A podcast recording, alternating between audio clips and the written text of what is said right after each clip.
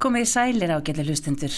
Í dag höldum við áfram að hlýða sögur úr óperunni, en þá nóg að taka. Í síðasta þætti heyrðu við sögur frá Gunnari Guðbjörnsinni, Kristjánu Jóhansin og Signíu Sæminsdóttur. En í dag eru sögumenn þau Hanna Dóra Sturldudóttir og Gísur Pál Gísurarsson. En áður en við hleypjum þeim að, kemur hér östut brot úr óperunni La Bohème frá uppfærslu Sýrík óperunar fyrir nokkrum árum. Þar sem hljómsveitin er ekki alveg með á nótunum.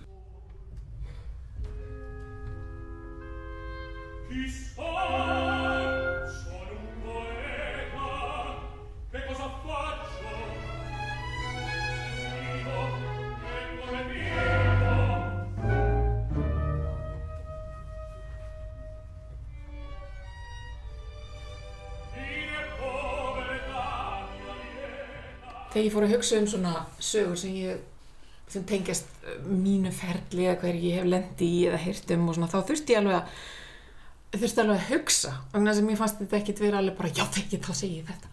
Eitthvað, svona, en, en þú veist, þegar ég fór að, að kafa yfir og fara yfir hlutverki mín og yfir þessi þessa áratvíi um, að þá um, þá var alveg, fannst mér rosalega gaman að reyta upp og margt sem ég hugsa, já þetta var alltaf svolítið svona þannig já, mér finnst þetta rosalega spennandi að fá þetta svona, svona til þess að hugsa.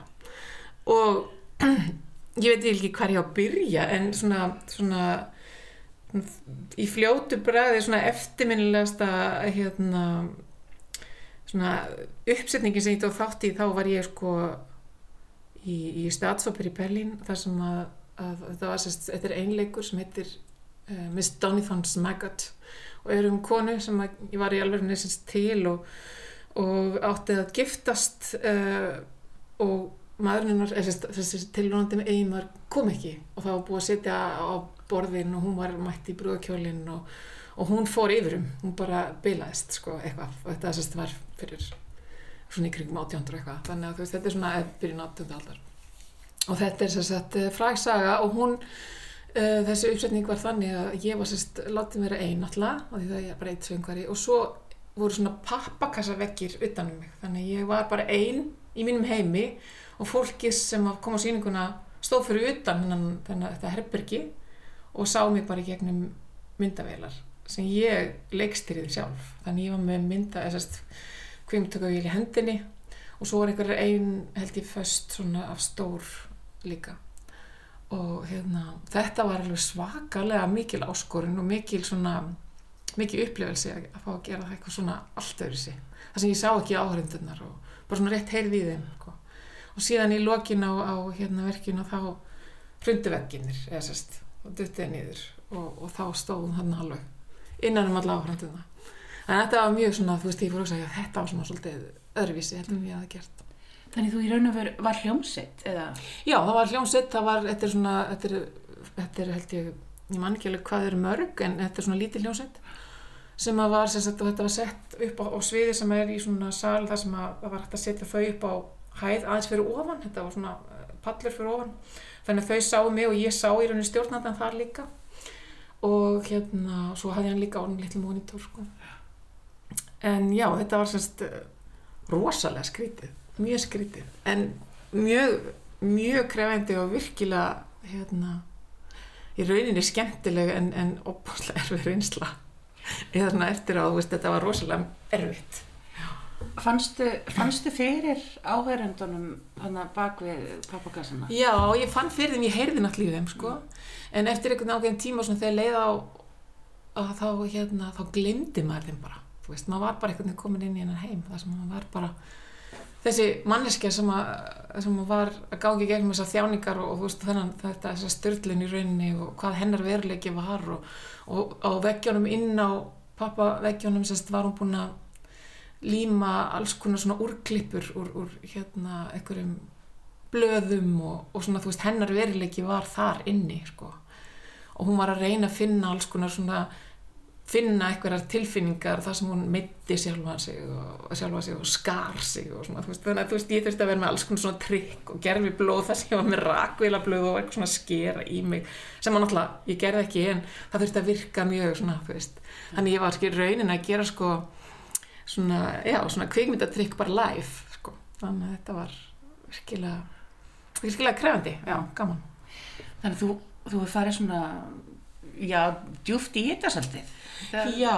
Já, Ég þurfti að gera það sko og hérna leikstjórin hann var ekki svo einfaldasti sem ég unni með, ég vann með hann síðan aftur í Bonn þar sem hann let mig fara í svona búning svona, þú veist, það sem maður er í rauninni klættur í búning sem er já. þannig ég var með svona, veist, mikil brjóst og mikil rass og veist, en samt inn í þessu búning og það var líka mjög skrítir einsla en hann, hann var svolítið svona, þú veist, hann var svolítið öfgakendur og, og, og svona öðruvísu og vildi fara fara alla leið með, með hérna listamennina sem hann vann með sko. þannig að, já, hann hann sagt uh, vann þetta hlutverk með mér og, og í rauninni um, já, ég veit ekki en eftir á ekki held ég að alveg- hafi verið mjög mikið margt gott sem að gerði en ég fann alveg þetta, þetta fór alveg undir, undir sko, fínasta lægið af, af veist, tilfinninga hjúpnum hjá mér þannig að ég átti svona, þú veist, þetta var alveg krefandi sko.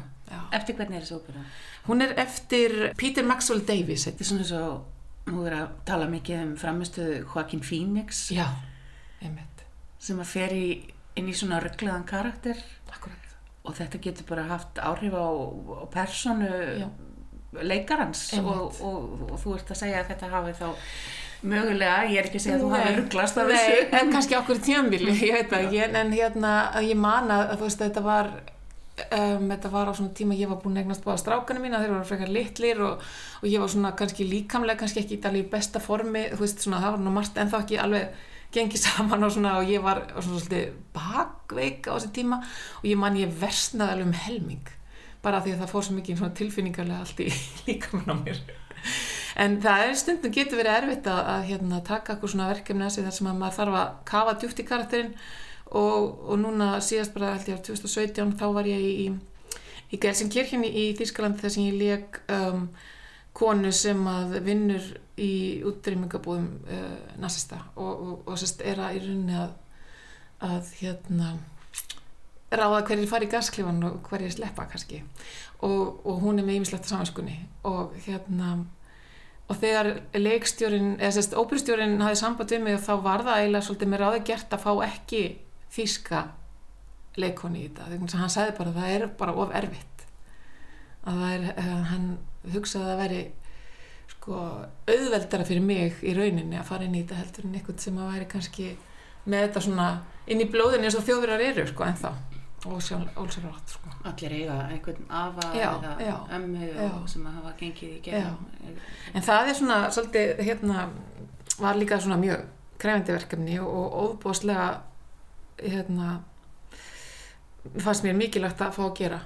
Uh, en það finna var í rauninni, sko, þetta var svo óbúslega djúft og erfitt efni og, og, og veist, svakalega tók mikið á þegar maður fór að hugsa um hvað í rauninni maður var að gera og fara í gegnum í verkinu að sko ég held ég að hafa aldrei hleyið eins mikið á æfingum sko. ég og, og tenorinn sem að leik manni minn við vorum með sko auðlabrandara út í eitt. Þannig sem leiðum að fer í eitthvað svona kreandi verkefni þá verður húmorinn sko hann, hann tóast algjörlega í hináttina og við vorum sko, það voru fimmura brandarar og, og alveg sko stanslöst hleyið á æfingum, alltaf um leið og sininni var hætt og þá var einhvern veginn fórum við eitthvað annað. Þannig að það var bara hann svo mikið sko. bara svona til að lifa af. Já, í rauninni. Já, þannig að þetta er svona alls konar, maður fer í svona alls konar svona tókstreitu tilfinningar svona á milli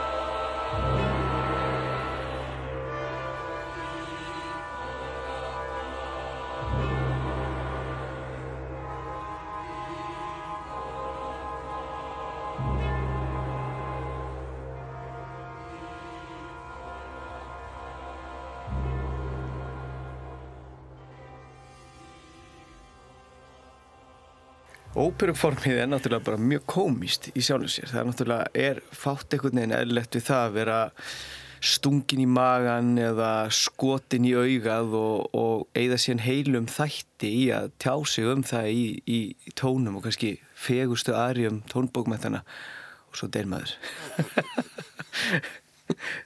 Þetta er svo geggjað.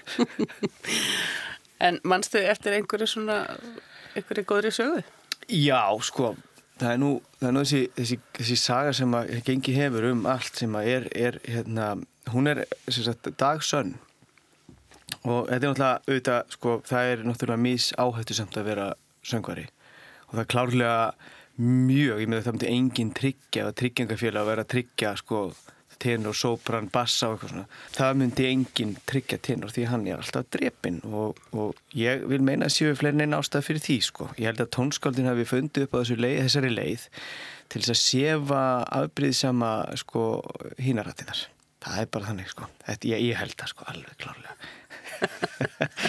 En sem sagt, málið er það að já, í, í sumum ópera með tenarindreipin og það er auðvitað langt og, og flóki plott en í Tosku er náttúrulega eh, sem er í dásamljópera þá, þá er auðvitað Kára Dossi tekina lífi fyrir framann aftökusveit. Og þetta er náttúrulega alltaf svona víst, val hvers og eins leikstjóra hvernig þetta er allt gert og, og svona stu, sumi vilja vera eitthvað flippaðir og gera eitthvað annað og gera eitthvað nýtt en, en sumi vilja bara vera alveg tradisjónal. Og það ávið í þessari næstu sögu. Hún er, hún er þannig að það er tenur sem heitir Fabio Armiliato sem að meðal hann að söng í hérna myndinars Woody Allen um, um söngur hann sem gæt bara sungi í styrtu alveg frábær mynd. Ég held hún heiti From Rome with Love eitthvað svo leiðis, gott að það var ekki hún. En allavega, mjög skemmtileg mynd. Og hann sem sagt, eh, Katgreið er í Macerata sem er eh, á Suður Ítalju, í útileikhúsi frábært hús og, og mikið stemming alltaf. Og það er hérna mjög tradísjónal, mjög hefðbundin uppsetning og, og allir í, í, í svona, já, átjöndu eða sérst, já, snemma átjöndu alltaf búningum eða þannig og, og í aftökusenninni þá eru notaði framlæningar sem bara var fínt og þetta er allt saman æft í, í drep og þá setur þú búður fram onni í bissuna og þjappar og passa bara þjapp ekki um mikið svo er leift af og allt í góðan gýr nema það leikstjórnum fannst mjög sko, mjög vond að gera það sem er náttúrulega reglunum 1 og 3 í leikúsi þú mýðar ekki skotu ofni á fólk og ekki bara í leikúsi þú svona, svona svindlar það öllítið en þarna þá vildi hann gerna að fá bara mýð á tenorinn og þetta væri hvort er búðskott og ekkert þessin svo kemur náttúrulega að síningunum og, og sagan segir nú ekki hvort það var fyrsta eða önnur eða þriðja en það er þannig að það er hlaðið í og, og Kára Dossi settur hann undir vegg og, og svo er hann skotinn og uh, það sem gerist næst er að, að Kára Dossi dettur döður og Torska kemur hlaupandinn og kallar á hann Marjósinn og hann vaknar ekki og við vitum hvernig það endar -hmm. Nefna það að okkar maður, hann Fabio Armiliato, hann dettur í gólfi og byrjar að rúla og garga og góla og fólk höfður svona, ok, guð minn góður, þú veist. Það er eitt að geta sungið og það er hann að geta leikið. Þetta er ekki gott. Og hann hættir ekkert og, og það enda með því að hérna að sóbransöngunar fyrir til hans og, og svona eitthvað er að reyna svona, vantarlega, láta hann drepast að þá sér hún að hann er alblóður og hún gólar, úúú tenorinn er alblóður, það þarf sjúkrabíl og eitthvað. Og, og, og hljómsendastjórun hristir hausin og okkar maður liggur í gólunni en það æmjandi. Og svo fer hljómsendastjórun upp á svið og jújú jú, það þarf sjúkrabíl, gólarinn í sal og út um allt það þarf sjúkrabíl og svo kemur, þetta er úti, þetta er útileikhús kemur sjúkrabílinn keirandi þann inn á. Nema það að við allt sko uppþóttið þá var einhver svona mjög framalega á fremsta bekk sem að sem sagt var svona komin á aldur og, og fekk bara hjartafall þannig að sjúkrabílinn byrjar að hyrða hann upp og keira hann að burt og, og, og tenorinn stendur gargandi þetta er minn sjúkrabíl nema það að síðan kemur annar sjúkrabíl og okkar maður er settur á, á spítala og, og bundið um og allt í góð þá hefur þetta verið púðurleifar sem fór í lærið á manninum. Stór hættulegt. Svo hann kemur tilbaka í gifsi og sko krefst þess að klára síningun nú er sko leikúsi búið skjótan og hann klára síningarnar, punktur í gifsi, punktur. Ja. allt í lagi, þú veist náttúrulega eitthvað að reyna svona að semja um, um þetta nema það að síðan byrjar næsta síning hann í gifsi og að hægjum og allt þetta. Og uh, fyrsta síðan gengur bara ljómaði vel og svo fer hann af, síði og, og býður eftir næstu yngumu og, og svo er, er blackout allt slögt og okkar maður á leiðinu á svið öklabrotnar á sem sagt góðurlöpinni það er ekkert flóknar en það þannig að það þurfti annan sjúkrabíl. Og í einhvern veginn örvæntingu þá segi sviðstjórin hérna í hátalarkerfið inn í sal eða út í sal, réttar að setja þetta er útilegus Uh, þú veist, við auðvitað sem þetta er Cavaradossi og ef það er einhverju salum og þá er þetta þessi gamla góða öskubuskusaga þá var sérsagt tenórsöngari í salum sem hafði verið í svona kvild eftir veikindi eða eitthvað sem að hoppaði inn og, og hann söngi einhver ára eftir þetta sko. Nátti þannig að einkomi og fóð bara í ég held að hann hafi verið aðeins stærri heldur en Fabi Ormiljato, hann er nokkuð grannur þannig að hann hérna fór ekki í fötina sem söng Cavaradossi í galabúsunum og Já, hérna. þetta, þetta, svona eru ævindinin En hann hefur, eh, Armiliato hefur ekki krafist þess að vera að taka hlutverki bara í hjólastólum? E, nei, en ég sko, þetta, þetta gerðist fyrir svona, ætla þetta sé ekki 12-15 ár síðan og það er ekki mjög langt síðan að sko, hérna, þetta mál var settlað í, í rétti sko. Fyrir já, já. tryggingar og annað? Já, já, bara á allt þetta sko. Þannig að þetta er svona, þetta er harður heimur, þetta er stór hættilegt starf. Sérstaklega maður er tenor. En segðu mér annað, sko, þessi sag er sönn, heldur er, um, ég veit að það er margi sem hafa heyrtu torsku söguna þar sem að einhver setur trampolín já, fyrir neðan törnin, er hún sönn? Sko, ég held hún sé ekki bara sönn, ég held hún sé sí endutekinn. Að ég er búin að hóra nokkrar tóskursýningar sko, og þetta hefur alveg gerst sko. hvort sem það er trampolín eða dýna eða eitthvað, það bara er ekki nógu pláss og svo er náttúrulega leikursin þannig að þú getur setið alveg í rjáðri þannig að það þarf það þarf að passa öll sjónarhótt sko. bara já. sagan af Tosku blessunni þegar hún er búin að sinna, hún fer upp í törn já, já, kemur að þess að hann er raun og veru dáin og hún hleypur upp uh, á toppin á Castel Sant'Angelo sem er í Róm og hérna hún hoppar fram af uh, Castel Sant'Angelo. Og það er fall sem að já, enginn nema fugglin fljúandi liður af. Og hérna í, svo, já, í það, er, það er þessi mýta um, um, um hérna, tóskuna sem var sett trampolín undir sem að skoppaði svona upp og niður. Í lokasinu, þetta er óskaplega dramatísk hérna, dramatíst útspill mm -hmm og þetta er einhvern veginn á svo illa við eitthvað. Horfa á, á kollin hún í bóing en það er sérsagt það, það er satt. Þetta er sko, ég held að þetta sé sko ég held að þetta séu markasögur í einni sko. Já, já. þannig að hérna, að þetta, þetta er svo þetta er svo, sko, því að náttúrulega svo er músikinn svo brjálaðislega sko sterk og, og hughrifin svo mikil að maður er einhvern veginn alveg á kafi í þessu og allir með tárin í já, já, þetta stingur svo í stúf þetta er svo óþægilegt. Já. getur hún ekki bara leið þannig að döið þetta er svolítið svo leiðis en, já, en það eru svo mörg svona móment í óperunni sem eru svo, svona fyndin eða skemmtileg.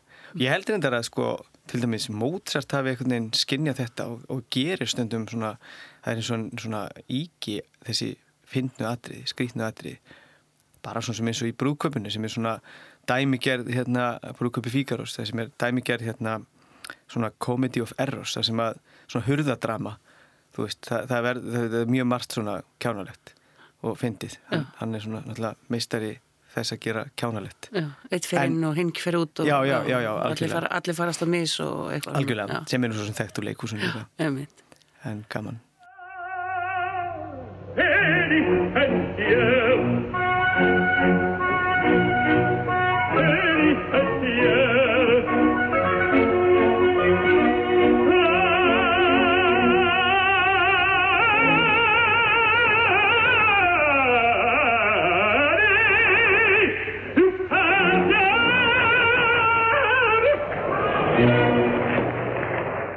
var sko í, þegar ég var fastræðin í, í Þískalandi þá í svona litlu húsi sem er í Náist Streilins þar þurfti ég að syngja alls konar þá söngi hlutverk þú veist uh, ég söngi Butterfly og fekk námskiði að klæða mig að láta klæða mig í kímon og, og hvernig ég hreyfði mig í, í, í þessu, öllu þessum mundiringum og, og svo hérna uh, veist, það söng svona alveg rosalega mikil stór lýrisk ítölsk hlutverk og svo fór maður kannski að söng söngleik líka og í þessum söngleik eina sem ég tók þátt í það var sérst High Society þar sem ég legg Tracy Lord.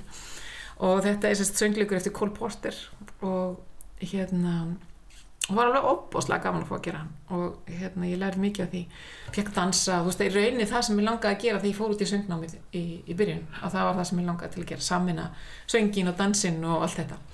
Þannig að það var, já, gaman. Og ég var sérst búin að syngja þannig nokkra syngar og Tracy Lord kemur inn í upphásatriðinu og er eitthvað, veist, á að hafa verið ykkur reyðtúr og kemur heim sérst í reyðbúrsunum og stefilunum og svona, og svo kom, kemur svona, svona sett svona skíli fyrir og ég var sérst að skiptum búning á sviðinu.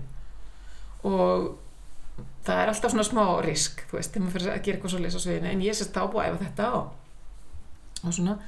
Og síðan í einni síningunni þá er sérst ég drifin um föttunum og ég fer í kjólinn og zump og svona bara eitt stóri enn í losa bakkinu og hann náttúrulega klikkar. Þannig að þú veist og það var svona þröngu kjól og, og veist ég hef ekkit hafði ekkit annað sko. Þannig að síðan bara fara þeir frá. Hérna þetta voru allt ykkur hérna kallar og tvær þjóðnstúlku sem átt að gera þetta og kallandi bara fara frá. Ég stend aðna þú veist með alveg opinni rass og hugsaði mér jæja hvað gerir maður nú? Og hérna og síðan byrja ég bara held að fara með að syngja ég er að syngja á eitthvað, veist, þannig ég er bara svona í hlýðar, hlýðarsveiflinni, þú veist, að reyna að fjalla þetta. Og þetta er alveg ferlegt, sko, svo fór ég sérst, átt að fara í eitthvað atriða sem ég sest í morgunarborði ég gætt það, ég gætt setið þar en ég svona síndi, konin satt í linn með síndi að þú veist, ég væri opinn og hún var með eitthvað sjál þannig ég gætt sett yfir mig sjálið og það svona bjargaði mér, sko. Og ég gætt klárað, klárað fyrsta þáttinn, hálfpartinn svona gapandi, sko en óbúslega var þetta óþægilegt. Já. En þú hefur ekki sínt á því baklutan? Nei, ég reynda, reynda að forðast það svona, æ, þú veist, ég meina fólk hefði kannski hægt gamnaði ég held að ég hefði nú ekkert verið að bæta nýtt miklu við síningur þegar ég gert það. En það tók enginn eftir þessu. Þetta þú veist, maður þarf að spila úr aðstæðanum sko, að allt getur gerst. Allt getur gerst og svo líka, þú veist hlutir eins og bara það sem maður er settur í sko var að hjólaskutum yfir sviðið og ég er náttúrulega aldrei verið góð hjólaskutum og ég, þú veist, að, það var líka eitt mjög fyndið, þú veist en það bjargaðist, ég hekk einhvern veginn uppi voru þetta línuskutur eða hjólaskutur? Nei, þetta voru hjólaskutar, það voru alveg rosalega gamli svona eitthvað, þeir eru ískurður en drekki en þeir voru mjög slæmir sko.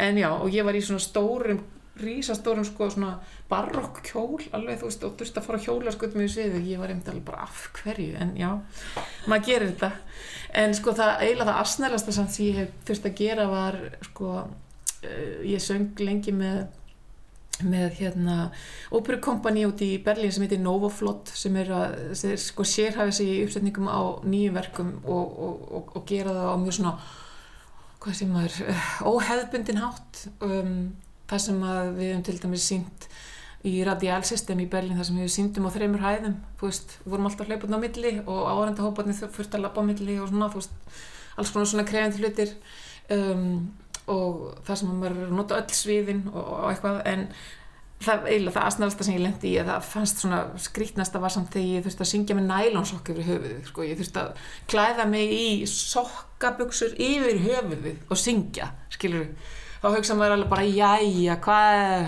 hvað er ég nú komin út í?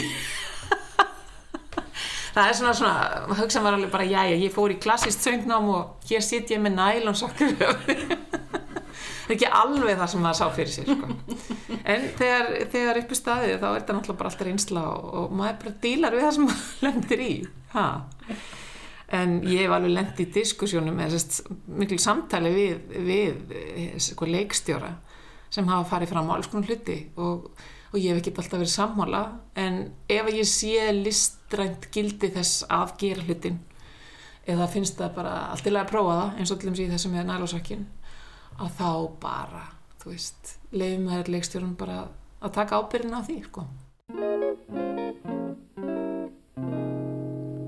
My story is much too sad to be told but practically everything leaves me totally cold. The only exception I know is the case when I'm out on a quiet spree, fighting vainly the old ennui, and I suddenly turn and see your fabulous face. I get no kick from champagne. Mere alcohol doesn't thrill me at all. So tell me why should it be true that I get a kick out of you? Some get a kick from cocaine. I'm sure that if I took even one sniff, that would bore me terrifically too.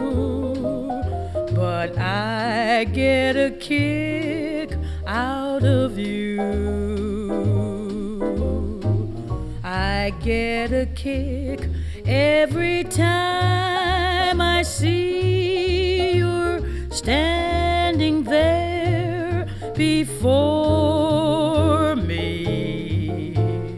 I get a kick, though it's clear to me you obviously don't adore me.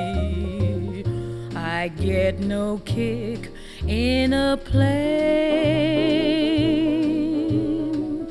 flying too high with some guy in the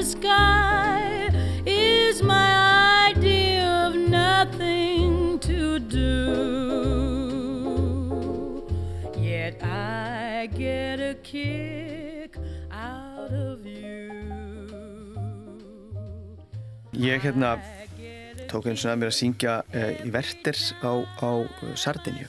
Sardinja er stór merkilegu staður. Og svona mörgulega döldi líkur Íslandi eða sérst sko svona það er svona hrjóstrukt og, og, og já, svona uh, erfitt yfirferðar uh, eins, og, eins og Ísland, mínus náttúrulega snjór og, og hríðar byljir. En hérna, ég var þar í, í hérna bæ sem er þá nýrst á eiginu sem heitir Sassari sem er nokkuð stór bær en, en hann er mjög gamall og þetta er ekki svona, þetta er ekki mjög ríkt landsvæði. En við vorum semst í þessari uppfæslu á vertir og, og það var mjög skemmtilegt. Leikmyndin var nokkuð stór og, og tók upp allt sviðið og, og í uppfæslinni þá, þá sagt, kem ég inn á reyðhjóli svona gömlu, stóru, mjög fallegu reyðhjóli og uh, ólíkt því sem flestir halda þá eru ítalir miklir, svona gríðarlega miklir öryggisfíklar þegar kemur að semst, leiksviði og það eru rosalega sko, miklar og stránga reglur um, um eld, um eins og reyðhjól og alls konar svona, já, dótari. Þannig að þetta þurfti alveg að, þurfti að loka grifjunni þegar ég var að æfa með hjóli ringi, þú veist, ég lærði að hjóla hérna fyrir nokkrum árum en þetta var mjög fyndið og, og allt passa voða vel og sem eru þetta frábært. Uh, síðan uh, vorum við með mjög sérstaklega leikstjóra, hann, hann var, uh, já, í raun og veru bara snarbrjálaður, hann bara gekk ekki á öllum, sko. Og hann með aðstofamann sem að eftir sérst, kynningafundin á verkefninu þá fór leikstjórin og aðstofamann bað okkur að hingraðis og útskýrði sem sagt vandamál leikstjórans. Þú veist, hann, hann var með, ég man ekki hvað greiningu en, en bara hann gæti ekki stjórna sér sko. En frábær leikstjóri samt sko. Og aðstofleikstjórin var ekkert að stjórna honum að passa hann og, og hjálpa okkur. Þetta var mjög skemmtilegt. Nema það að þarna setjum við hérna, senuna á, á já, tveimur og hálfur, þremur sólarhengum löngum sólarhengum og eftir það þá líða tæplega fjóra vikur þar sem við erum bara að renna verkinn sem er svona frekar sérstætt sko. Að því að oft eru leikstjórar svona já ég vona, sé ekki margir að hlusta en mm. þeir eru ekkit alltaf tilbúinir með allt sem þeir ætla að gera. Og þetta eru oft svona barningur. En nema það, við rennum og rennum og rennum og það, það er út af fyrir sig mjög skemmtilegt. Þannig að þegar frumsýningin kemur þá þá er bara allt klárt og ekkert vandamál. Þetta er bara eins og að fara í sko, ennina sturtuna. Og hérna sýningin byrjar og allt í bara góðum gýr hérna, fórleikurinn og svo inn á sviði og ég kem á hjólinu og hjóla þannig 2-3 ringi og fyrsta einslæðið er þegar ég stoppa reyðhjólið og syng beint inn í salin og beint fyrir fram að grifjuna, beint fyrir fram að hljómsveitastjóran og einhvern veginn þetta var svo þægilegt moment, ég hugsaði bara vá, ef allar síninga getur verið svona maður er búin að renna þeim í raun og veru bara allt æfinga tímbili og svo kemur bara frumsýningin og hún er bara, hún er bara æðisleg. Æðislegt, ég stíga hjólinu og svo eru fjórir, eða sko fjögur slög að ég syngin svo verður þau þrjú, tvö og svo stoppar hljómsveitstjórin og bara, veist, leggur niður sprotan hljómsveitin þagnar og ég horfði í sal og svona fyrstu viðbröða bara það frjósa allir og sérstaklega ég, ég var semst fremstur á síðin ótt að syngin um, og fyrsta, fyrsta sem söng söng var að gera er að þú veist, að hugsa eitthvað oh, hverju hef ég klúðrað núna, guðminn almatur og við, svo líður bara þannig svona cirka þrjára eiliðir sem að kannski hafi verið 20 sekundur eitthvað svo leiðis, en það eru svo sannlega þrjára eiliðir og hljónstæðstjórin brosi til mér svona og réttir upp hendina með putta og segir svona fjórir. Það er svo fjóri við bakkum og svo bakka um fjóratakta og ég kinga svona hægt kolli og stend bara á mínu hjóli eða hjá mínu hjóli. Svo tekur hann fjóratakta og byrjar aftur og allt að gerast og örlíti fyrr en í hitskiptið stoppar hann aftur.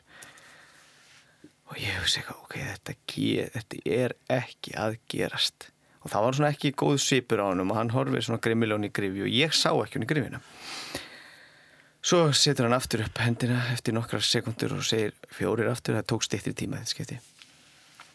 Og hérna og hann heldur áfram og aðeins fyrr aftur stoppar hann. Og þá fyrir hann að skelli þegar snýr sér inn í sal og segir eitthvað rosa sniðuð sko sem ég heyrið ekki. Mm. og salurinn springur úr hlátri og ég hugsa eitthvað þetta getur, þetta, þetta er svo erfitt, þú ertu búin með sko, þannig ertu búin með kannski svona þrjá sólarhinga í kárahnökavirkjun í ork og ég standa og hugsa, hvað, hvað er að gerast? Hvað hef ég gert? Og svo sko þegar hann ætlaði að fara að staða eftir þá spurði hann bara hvað er í gangi? Yeah. og þá sagt, sprakk öryggið í, í hérna grifjunni, ítrekkað Ó, þannig að þeir sá ekki á nótunni? Nei, það var alltaf svartnir í grifju en þetta var, já, þetta var mjög skrítið. Þetta var skrítnesta frumsýninga því að þegar að síðan förum að stað, þá er úr mér allir vindur bara. Og þú bara, það getur ekki sungið. Já, það getur ekkert einhvern veginn, nei, svo, svo gekk þetta bara mjög, þetta gekk alveg frábælega sko, þetta, það, var, það var ekkert verra en þetta sem gæti gerst. Nei, þetta, nei. þetta er eiginlega svolítið eins og standarður svona aftökusveit og það er alltaf, þú veist, klikkar alltaf. Ah, getur ekki bara að drifja þetta? Já, já, þetta er nú svona sko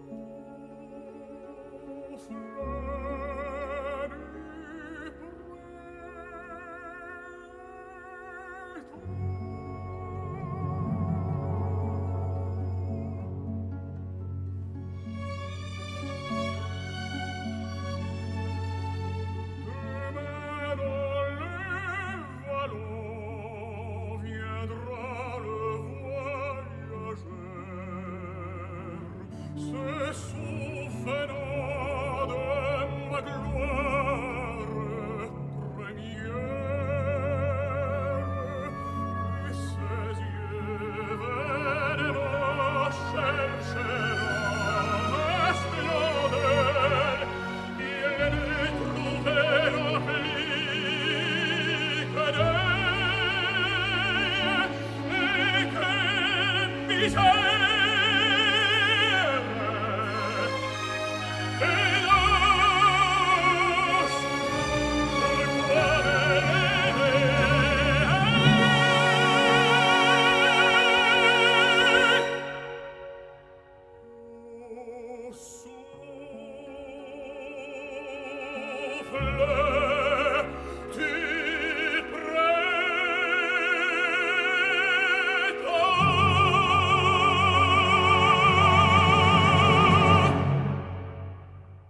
Þegar ég fór að rifja upp líka þá hugsaði ég já þetta er þetta sem ég hló, við hló mikið að það var hérna fyrsta ég held að það var fyrsta skipt sem ég söng fyrir utan skólan í, í, í, í Þískaland ég fór nám, það var sérst uh, hlutverk Mikaelu í Carmen. Og það var á útisviði í Bad Hersfeld og útisviði var sem svona tre svið byggt inn í rústir af, af svona stóri kirkju ofsalega glæslegt svið. Og og hérna ekki yfirbyggt sem sagt neitt. Og það kom sko helli demba eitt kvöldi og sviðið var bara eins og skautasvell. Og þetta var alveg dásamlega síning og við náttúrulega pössuðum okkur svona, þú veist, við fundum alveg að það var sleift en svo kemur eitt söngari sko, hann svona lítill og þéttur og hann ákom að hlaupand inn og segja sko, ræningjarnir nei, það er einhver búin að fela sig í fjallinu þegar Mikaela kemur sko, er búin að fela sig eitthvað og, og ræningjarnir er hann og hann er að varaði við sko, einhver að fælist og hann kemur inn sko, og rennir sér svona inn á sviði sko, og veist, þetta var alveg hilarious, þetta var svo fyndið hann svona skautað inn á sviði og allir bara svona já og svo var alltaf þurfti maður bara alltaf að syngja. En það er margt svona sem gerist sem getur verið óborgarlega fyndið. En það, hann er ekki bara skautað út Nei, hann, hann friðinn. rétt svona náða að stoppa ég held að hann hálf dotti sko í lokin en þetta, þetta var alveg sko langt svið eins og segja, hann bara svona tók svona bara svona, þú veist, bara rendi sér í allt sviðið, þetta var bara ótrúlegt sko. Ótrúlega skemmtilegt. Og svo svona, þú veist líka eh, hlutir eins og til dæmis það að þurfa að býða eftir kollega á sviði sko, maður hefur nú oft lendið í því að vera kannski aðeins seinn inn í sinnur. En það versta sem ég lendi í var að, að hérna, þegar ég var að syngja í Kassel óperetta sem heitir Madame Pompadour. Og ég var sérst Madame Pompadour. Og ég var að býða eftir hérna, söngkoninni sem söngum mótið mér og ég var sérst búin að syngja aríuna mína og hún á að koma inn og hún kom ekki inn. Og ég var einn á sviðinu. Og það, ég hugsaði sko núna væri gott að greipa í sko bara gamavísunar eins og maður, þú veist að taka nokkra gamavísur eða smelli nokkra brandara, þetta voru mjög langar mínútur, þetta var úruglega ég fór ekki að segja en mér- leiði eins og þetta hefði verið heila eilíf sko.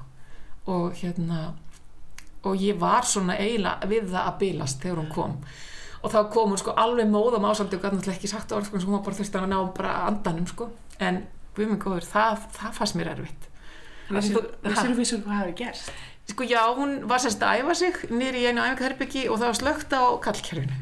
Það var svona bara einfalt skilur sem getur náttúrulega gerst en, en á ekki að gerast náttúrulega. Náttúrulega kannski ekki vitulegt að hann heldur að fara inn í herbyggi og æfa sig meðan á síningunni stóði en þetta bara hittist hana og hún bara glemdi sér og, og svo allt inn bara kvikna á byrjunu og þá spólaði hann upp og, og hérna já, þetta voru mjög, mjög, mjög langar löng augnablik sem ég fór í gegnum þarna og með allan sali fyrir fram að mig og, sko, og ljósinn og maður svona alveg og ljósindin bara þetta var, er skellilegt alveg skellilegt Þú getur ekkert gert. Nei, raunin ekki, ég held ég hafi sko, samt eitthvað sko, þetta var talað á milli, þú veist, þetta voru ekki bara svungið og ég held ég hafi eitthvað svona sagt sko, eitthvað, ist sie jetzt? Eitthvað svona, þú veist, þannig ég var eitthvað að reyna svona að gefa í skín og hún, þú veist, ná í hérna þannig að þetta er svona eitthvað neginn, bjargaðist örglega, voru einhverjir sem tók ekki þetta þessu.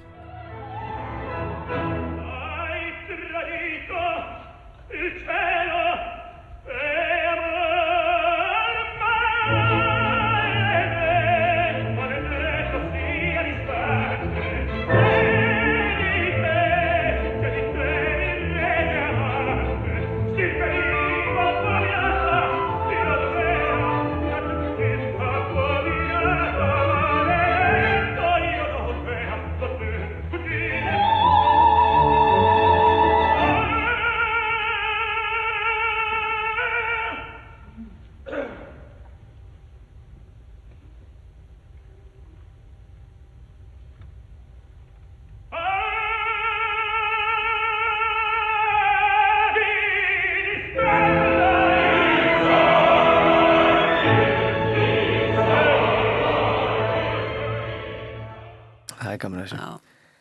já, erstu með einu já einu stutt að það sko, hún er reyndar ekki úr beinlýns úr óperubransunum en hún er, hún er úr leikúsinu og ég náttúrulega stegi minn fyrstu skref í þjóðleikúsinu sem Ólífi Tvist sem drengjasópran í, í, hérna, í söngleik Ólífi Tvist og það var frábært. Og ég mann því að ég nauti svo mikið, ég fekk svo góðan undibúning og allt þetta. Og svo, svo náttúrulega er Ólífur þannig að, þú veist, svona hvað heitir þetta, munaðarleysingi til að byrja með, þetta er alltaf frábær drauma Disney saga.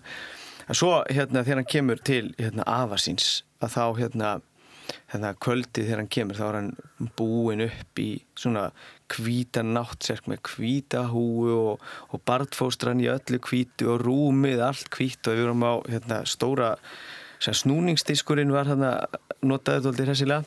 Og þetta var svona á, á efri hluta, þetta voru tvær hæðir og við komum hérna inn og erum eitthvað að spjalla ég og, og Þórun leikona og síðan hérna er senan að byrja og ég fæ eitthvað svona, svona kláða í nefið og, og svona klóra mér doldið hressilega. Og ég fæ fossandi blóðnesi sko.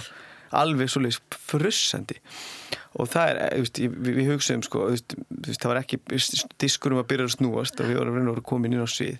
Þannig að það sem gerðist á það að ég hérna niðri var bara svona eitthvað fólk að snuttast í sínu sko, veist, það, var svona, það var út á götu og eitthvað og ég var uppi þannig að það sem við gerðum þetta að hún held í mig og ég hallaði mér yfir og það dripaði þetta blóðun á gerst og gangandi allar sinna, þetta voru eitthvað fjóra-fimm mínútur sem ég var hann inni með fossandi blóðuna sér sko.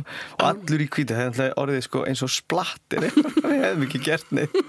Þannig þið, þið, þið heldur þvötunum kvítum? Svona nokkur nefn, því að svo þurfti ég að fara að sofa og þá þú veist, tók ég fyrir nefið og kynkti blóður og lá en það er svona, það er gaman að þessu. Og svo er reyndar einn svona stuttlið að segja það er í, í næsta verkefni sem ég tók þátt í þarna sem var Sound of Music. Það það mikið spil, þá voru bara krakkarnir leika í, Ólífur var ég inn í allan tíman en Sound of Music voru bara, voru bara leika okkur og, og rosa gaman, svo í eitt skiptið þá gleymum við okkur og fáum bara þannig öskur í kallkerfi frá síningarstjóra hinn á svið núna! Og við hlaupum að stað. Og þetta er í fyrstu sinu þessi krakkarnir hitta sem sagt sko pappin kallar hann á því með flöytu allt mjög frábært heimilislíf. Og krakkandi koma rosa reyn og strókin og standa í, í beitni röðu eitthvað, ég kem það hleyp í gegnum sko hálft þjólikúsið og, og inn á svið og á leiðinni þá svona rekst ég utan í einn og annan og svo rekst ég, ég, lendi samstöðu við hurð og hurðarhún sem ákvaða að rýfa utan að mér sem sett búningin þannig að hann lafði svona á mér og hári út um allt og svo kem ég inn á svið og það, það náttúrulega er mjög vandræðilegt sko. þannig að og þeir, hérna, þeir, hann hérna Jóhann Sigursson var sem sagt pappin mm.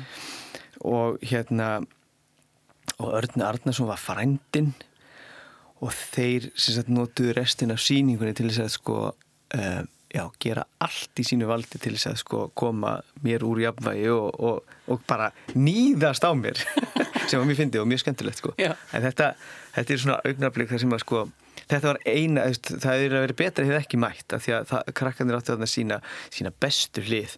Allir reynir og stróknir nema ég sem var í rýpnum fötum og með úvi hár. Þannig að þetta er En þetta hefur verið góð reynsla Já, fyrir, já. fyrir það sem koma átti eftir þetta. Já, já þetta alveg kendi mér það að sko uh, þú skalt aldrei deila við síningastjóra það er bara aldrei nokkuð tíman það er, síningastjórar hafa alltaf rétt fyrir sér. Það eiga að gera það allavega. Það er svo leis en þetta er gaman, þetta er áhættu sport. Svo sannlega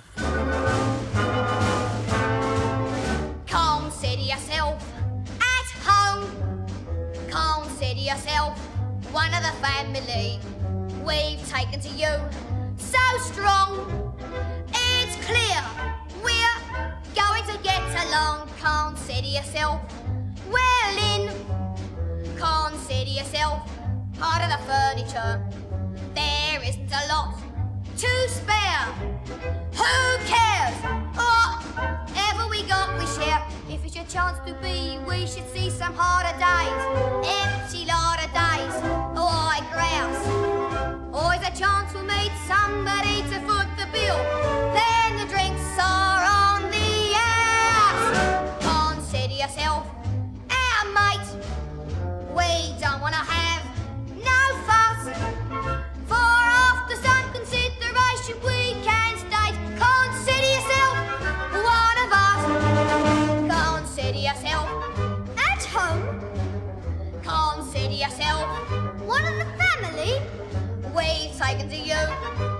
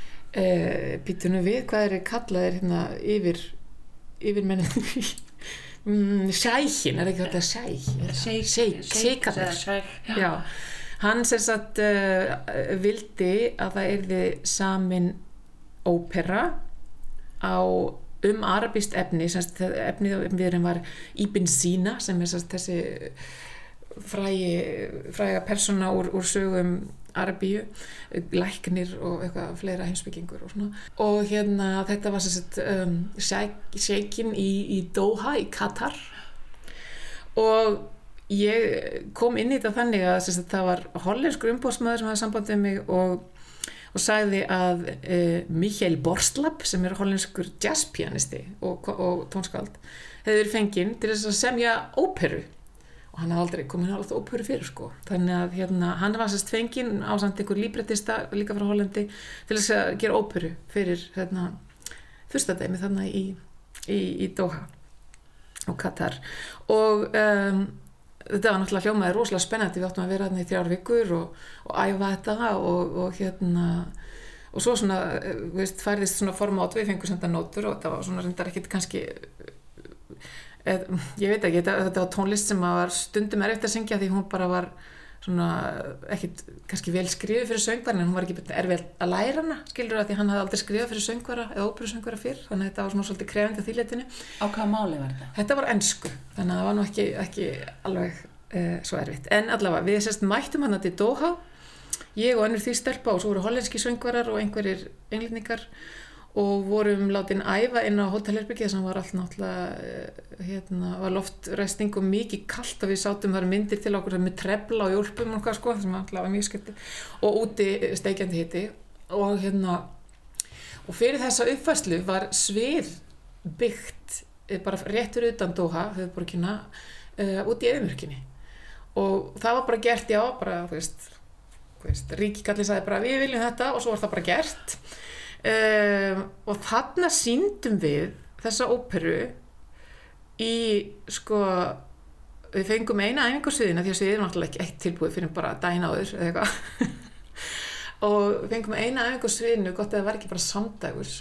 Og síndum þetta og vorum alveg rosalegum búningum. Það var bara sko, veist, gull og gersemar og, og svona, hvað heitir þetta, turbanar og kórunur og, og veist, oh, það var alveg svakalega íbyrðum mikið og sviðið var rosalega stórt og vítt þannig að við þurftum að vera í svo miklum stórum búningum til að það bara sæst í okkur og þetta var tekið upp og þessu var sko sjónvarpað um alla Arabi og við fengum sérst í rauninni enga æfingu sviðinu þannig séð en þetta var bara þú veist þetta var stærsti sko menninga viðbörður í sko í, á, á aldrei hlut óperatna áður og þetta var sérst fyrsta skipti og hérna þarna sungum við í beitni útsendingu fyrir einhverju sko miljónri manna þarna út í eðimörkinni en þetta var alveg ótrúlegt æfintýri sko og, og alveg En voru, það voru áhærendur líka. Já, já, já, fullt af fólki sko og, og náttúrulega þú veist, í hvítu hérna köflónu sínum og, og hérna og bara alveg, alveg, alveg tróðfullt fólki, það var svona eitthvað í þúsund manns sko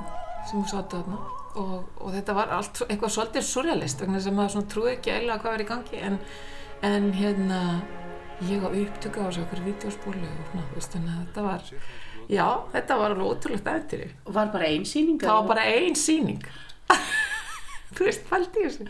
Það var bara ein síning eftir alla þessa vinnu og þetta reyndar sko eins og kannski komi yngum óvart, þetta var ekki mikið skipulagt. Þetta átti bara einhvern veginn að þú veist, bara vera tilbúið og sviði átti að vera tilbúið og við áttum að vera tilbúin og óperan var sko líka svona hans í rauninni fyrsta verk eitthvað í þessa áttan eða þú veist, hún var líka svona svolítið rugglingslega og stundum passaði þetta ekki við hljómsutina og þetta þurfti veginn að klippast saman þetta var mjög kátist sko og maður þurfti að bara halda kúlinu sko, maður þurfti að anda djúpt og halda kúlinu þannig að þetta var hérna í mann þegar ég labba út að svið og fekk bló, sko alveg svona alveg blindandi ljós á mig og hugsaði ok, nú bara núna bara sko do or die, veist, það var ekki neitt annað í stöðinni, ég þurfti bara einhvern veginn að syngja ekki mig í gegnum þetta og það gekk einhvern veginn.